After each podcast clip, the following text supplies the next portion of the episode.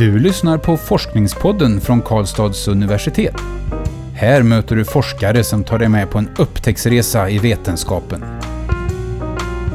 Den här podcasten görs av universitetsbiblioteket.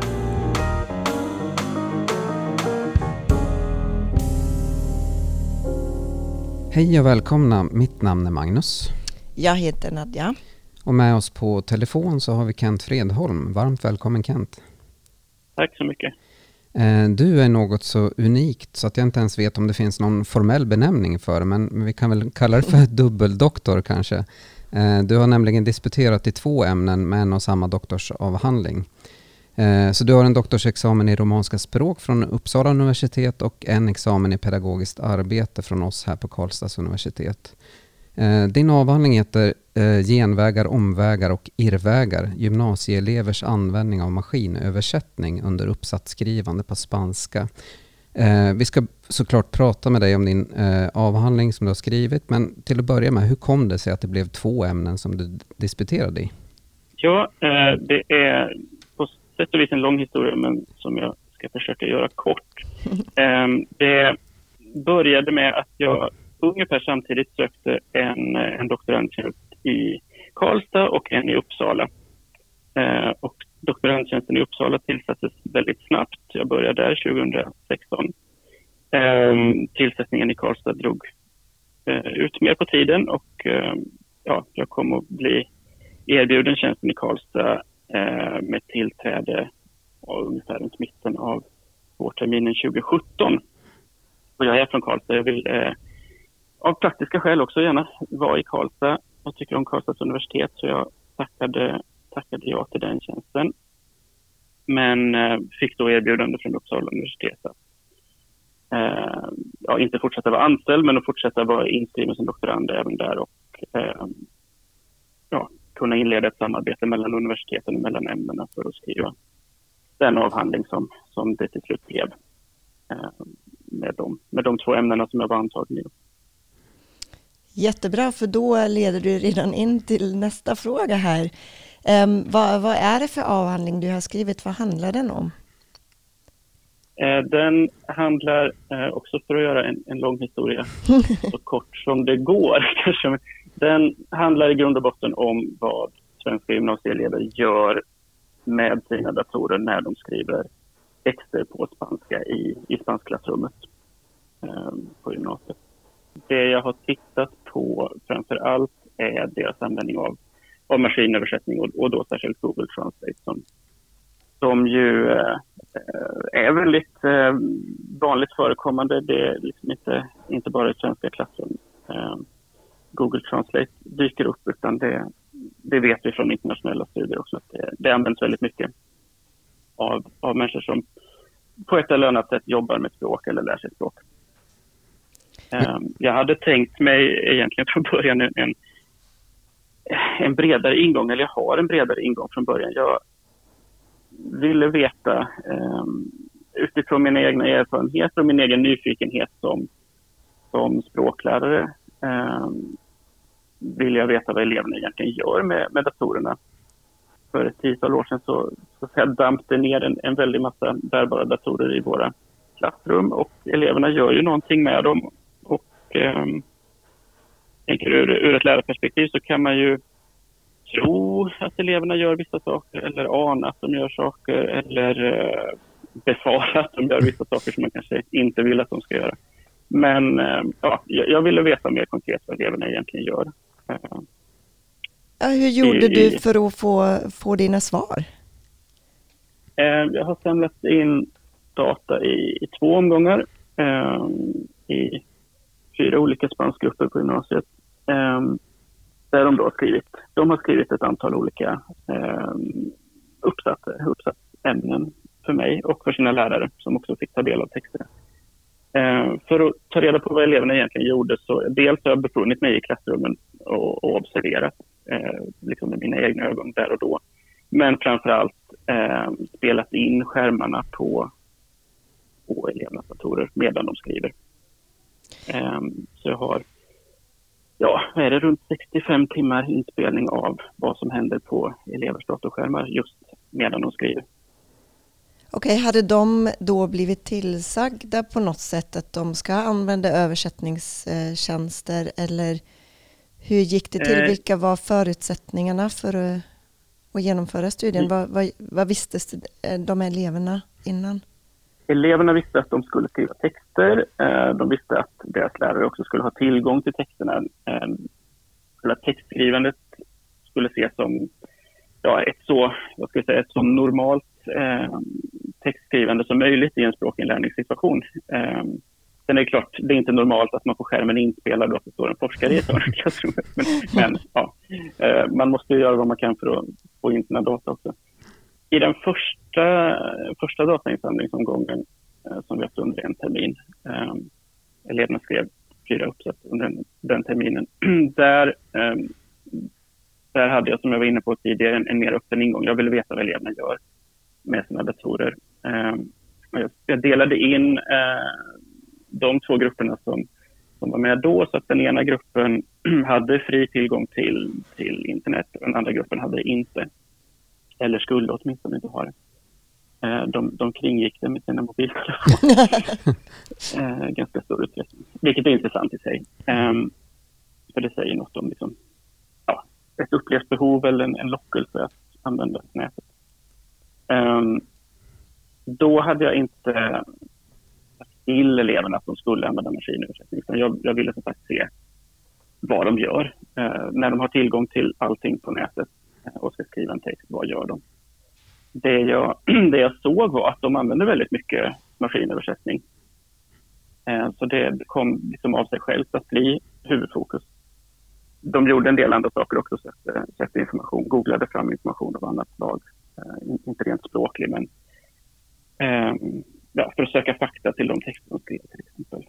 Eh, de gjorde bildsökningar för, för att eh, ta reda på om ord de ville använda verkligen betydde det de, för de skulle. Eh, har en jätterolig sekvens i en skärminspelning där en elev eh, har översatt ordet korv till spanska och söker på det spanska ordet. Och med en knapptryckning så fylls hela skärmen av en massa korvbilder. Ganska liksom, ja, eh, överraskande när man ser det. Så, men, men eh, som sagt, i den, i den första datainsamlingen så hade jag den, den öppna ingången och ville veta vad de gör, men såg att de framförallt, eh, om man pratar liksom om strategier eller hjälpmedelsanvändning, att de framförallt använde maskinöversättning och då särskilt Google Translate.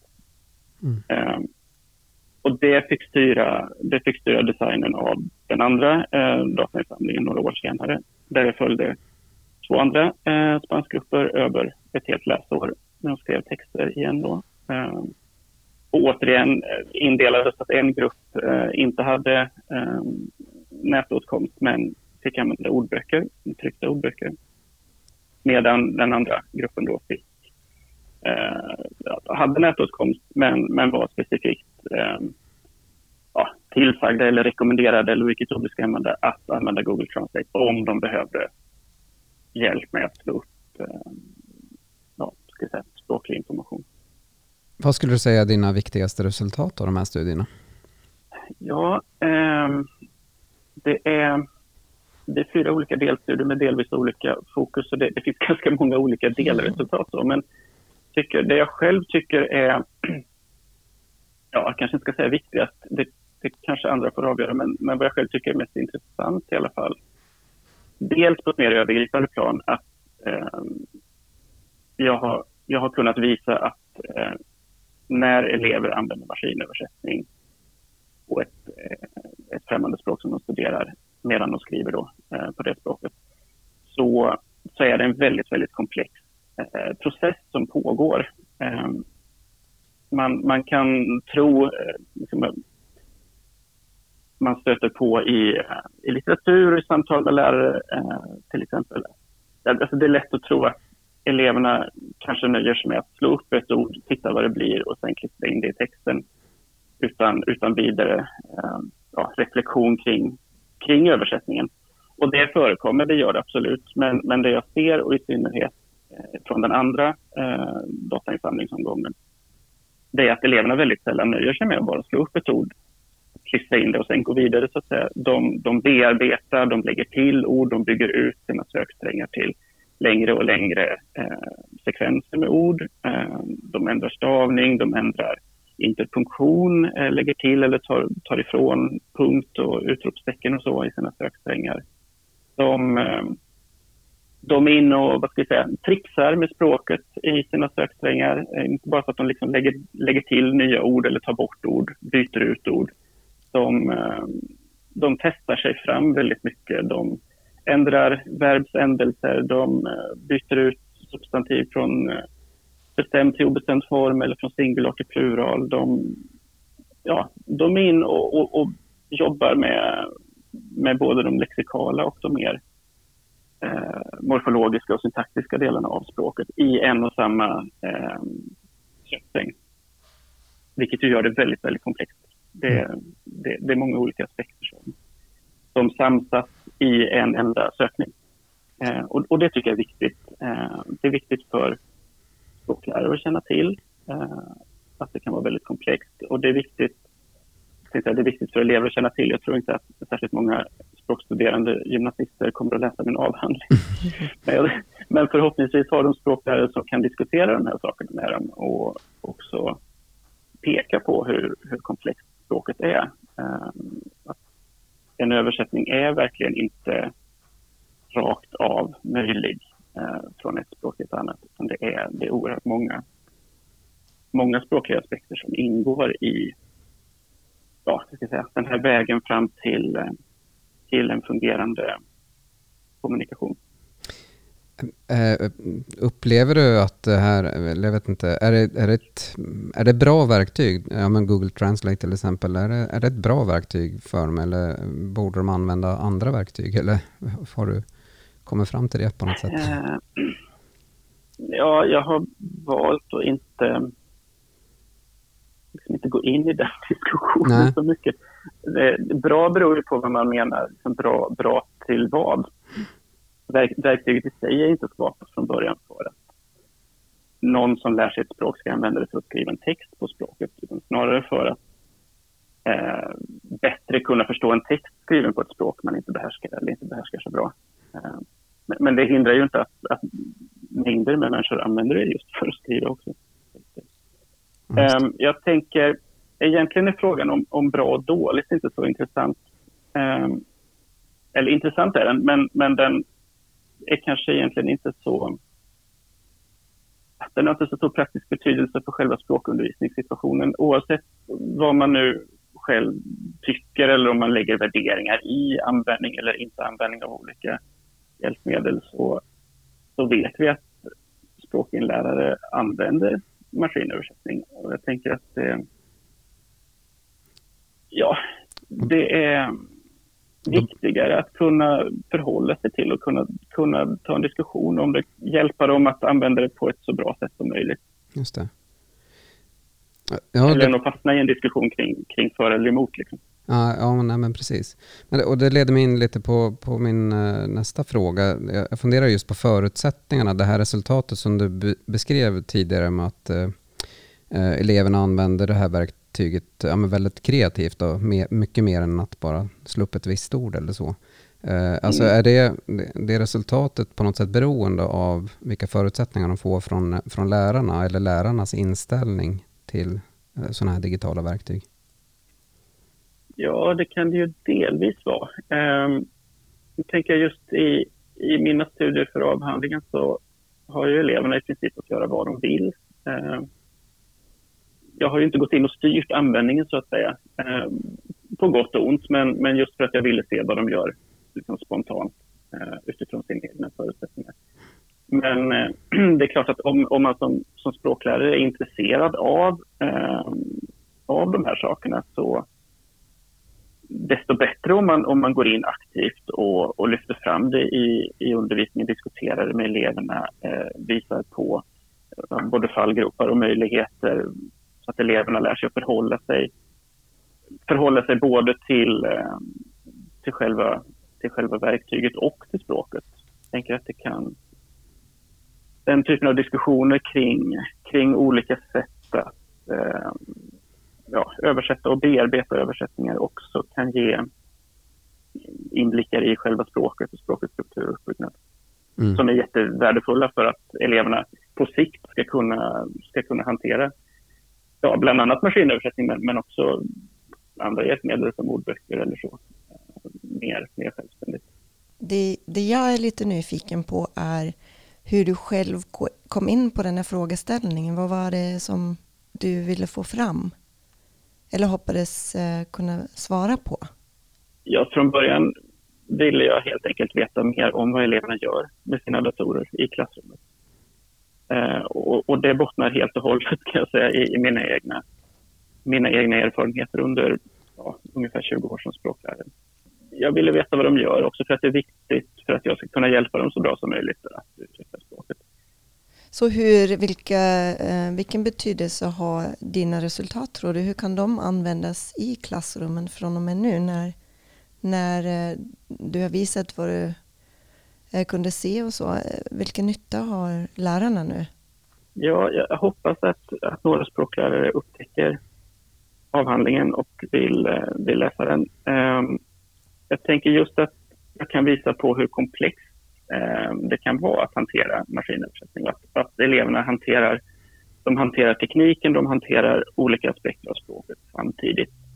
Det tänker jag kan, kan vara till hjälp för lärarna när de ska prata med sina elever om, om hur man kan använda maskinöversättning.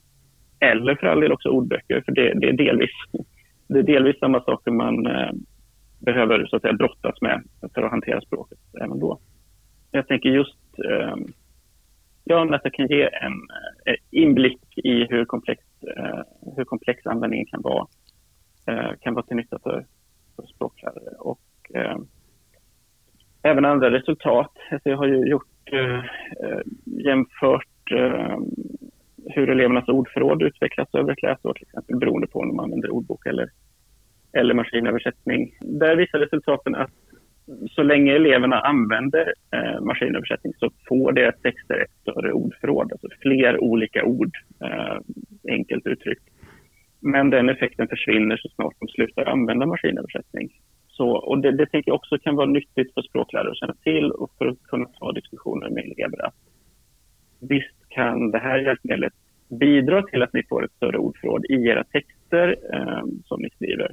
Men man ska inte lura sig att tro att det samtidigt leder till eh, ett ökat ordförråd hos personen i sig, så att säga. Inte ett, ett liksom aktivt användbart ordförråd som eh, sitter kvar när hjälpmedlet inte finns till handa.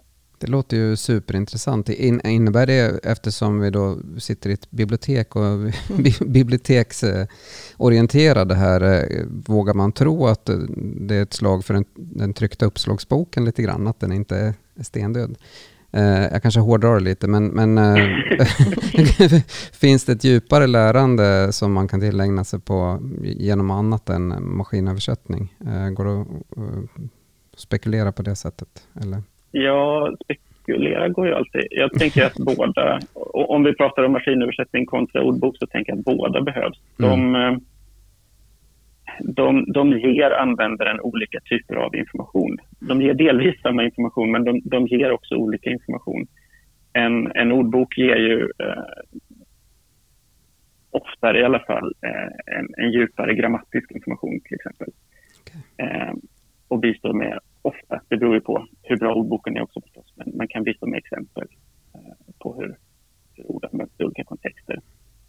Det finns också, beroende på vilka man använder i Google Translate, så kan olika typer av kompletterande information ges eh, och förslag på eh, olika formuleringar och sådär.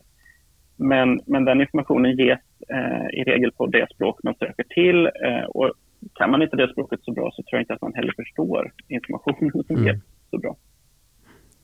Sen krävs det ju förstås att man, om man nu vill att eleverna ska, ska kunna använda en ordbok istället eller också att man, man aktivt undervisar i hur de använder den. För det, det kan jag också se, de, de elever som jag har observerat att de fick använda ordbok istället för eh, ja, olika nätbaserade tjänster. Eh, de lyckas inte alltid bättre heller. Alltså, de stöter på andra problem för att de inte förstår informationen som ges i ordboken. Det trycker jag på flera gånger just i avhandlingen också. Man behöver som språklärare då aktivt undervisa eleverna både i språket och hjälpmedlen. För inget av det löser sig självt, så att säga. Hjälpmedlen bidrar inte fullt ut till att språket så att säga, flyter på bättre och, eh, och språket, språkkunskaperna eh, kunskaperna i språket och kunskaperna om språket behövs också för att man ska kunna ta till sig hjälpmedlen. Det finns ganska många olika delar som man kan titta på. Jag har, jag har tittat också på effekter på korrekthet till exempel eh, och jämfört med alltså språklig korrekthet jämfört då texter som är skrivna med maskinöversättning och texter där eleverna haft tillgång till en ordbok istället. Och det, det blir olika eh, beroende på vilket hjälpmedel de har använt så kan jag se olika effekter. Till exempel att maskinöversättningen kan leda till mer, mer komplex meningsbyggnad men samtidigt också större meningsbyggnadsfel. Så effekterna tar på något sätt ut varandra vad gäller liksom, ja, syntax i en av mina delstudier att eleverna som använde ordbok skrev många fler stavfel jämfört med de som använde Google Translate. Däremot inte i en annan av delstudierna. Så det finns, eh, man kan se olika typer av påverkan på språket, på olika typer av både korrekthet och komplexitet. Men tittar man liksom stort så, så tar effekterna ut varann. Inte så att man kan rekommendera eller avråda det ena eller andra hjälpmedlet för att det skulle ge eh, enormt mycket större effekter åt ena eller andra hållet. Och det kanske kan vara bra att känna till eh, också för att eh, minska skräcken lite för maskinöversättning. Det behöver inte bli så fruktansvärt fel som man kanske tidigare har trott i alla fall.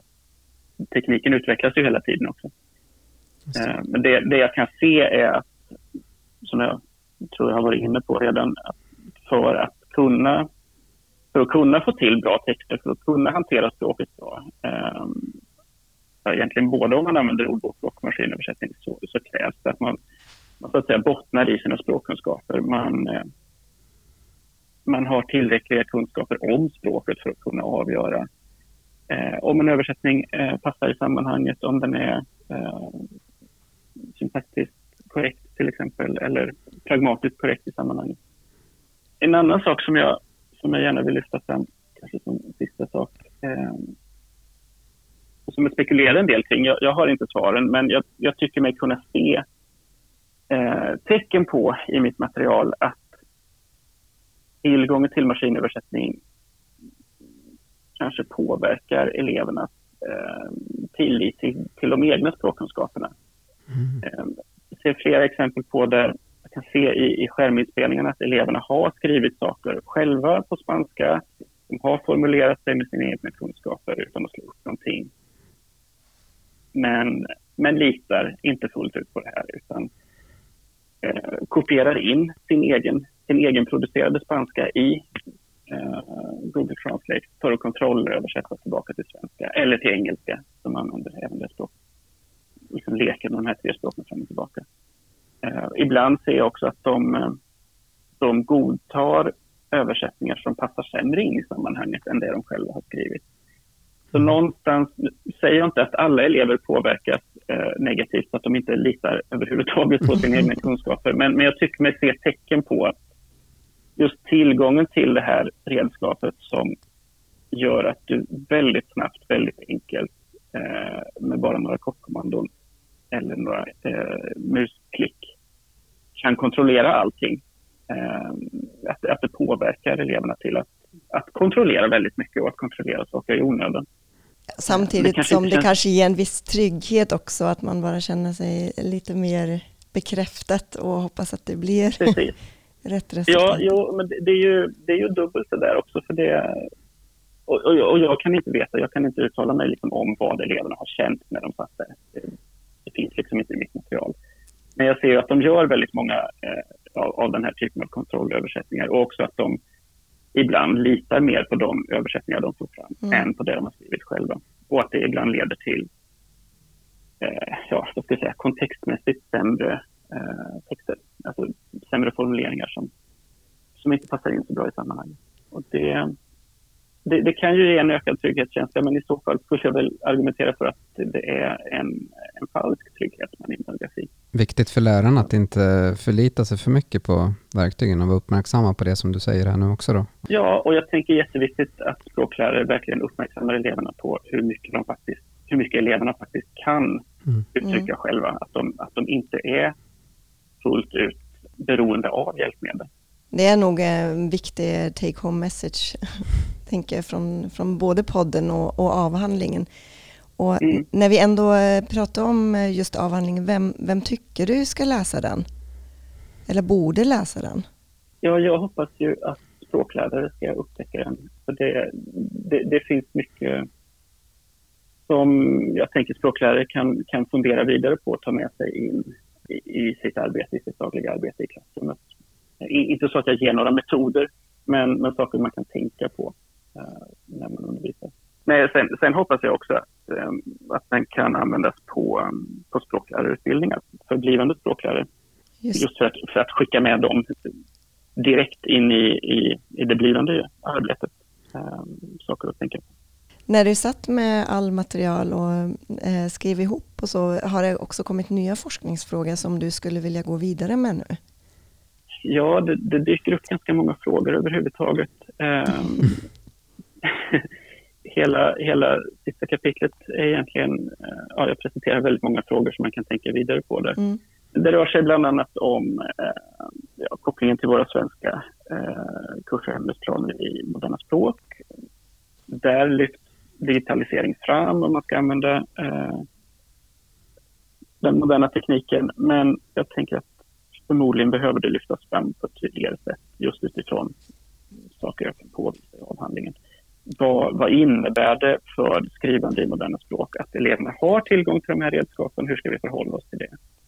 Det kan bli tydligare. Jag tror att det behöver diskuteras mer på Skolverket till exempel. Och frågor kring bedömning, eh, vad man bedömer när man bedömer skriftlig färdighet i, i moderna språk. Eh, tittar vi på, på Norge och Danmark så har man där slutprov i, i språkkurserna där elever får använda olika typer av hjälpmedel. Vilket man inte brukar göra i Sverige. Ehm, man kanske skulle åtminstone öppna för en diskussion kring att man, man behöver bedöma både också, både vad elever kan göra helt utan hjälpmedel och vad de kan göra med hjälpmedel. Det, det är delvis olika saker, eh, olika typer av kompetens som säger något om, om elevernas språkfärdighet. Eh, det, det, tror jag, det tror jag behöver diskuteras mer. Mm. Det låter som det är fortfarande väldigt mycket kvar att göra här i de här ja. frågorna. Tyvärr är det så att vår tid eh, närmar sig slutet här Kent. Ehm, det var jättespännande att prata med dig och vi är supertacksamma att du gästat Forskningspodden. Vi önskar mycket lycka till med ditt fortsatta arbete och tack också till er som har lyssnat. Eh, om ni vill läsa Kents eh, doktorsavhandling så finns den att ladda ner från vår publikationsdatabas DIVA. Eh, det kostar inget och det är bara att ladda ner den. Så välkommen tillbaka. Du har lyssnat på Forskningspodden från Karlstads universitet. Den här podcasten görs av universitetsbiblioteket. Alla avsnitt hittar du på kau.se forskningspodden.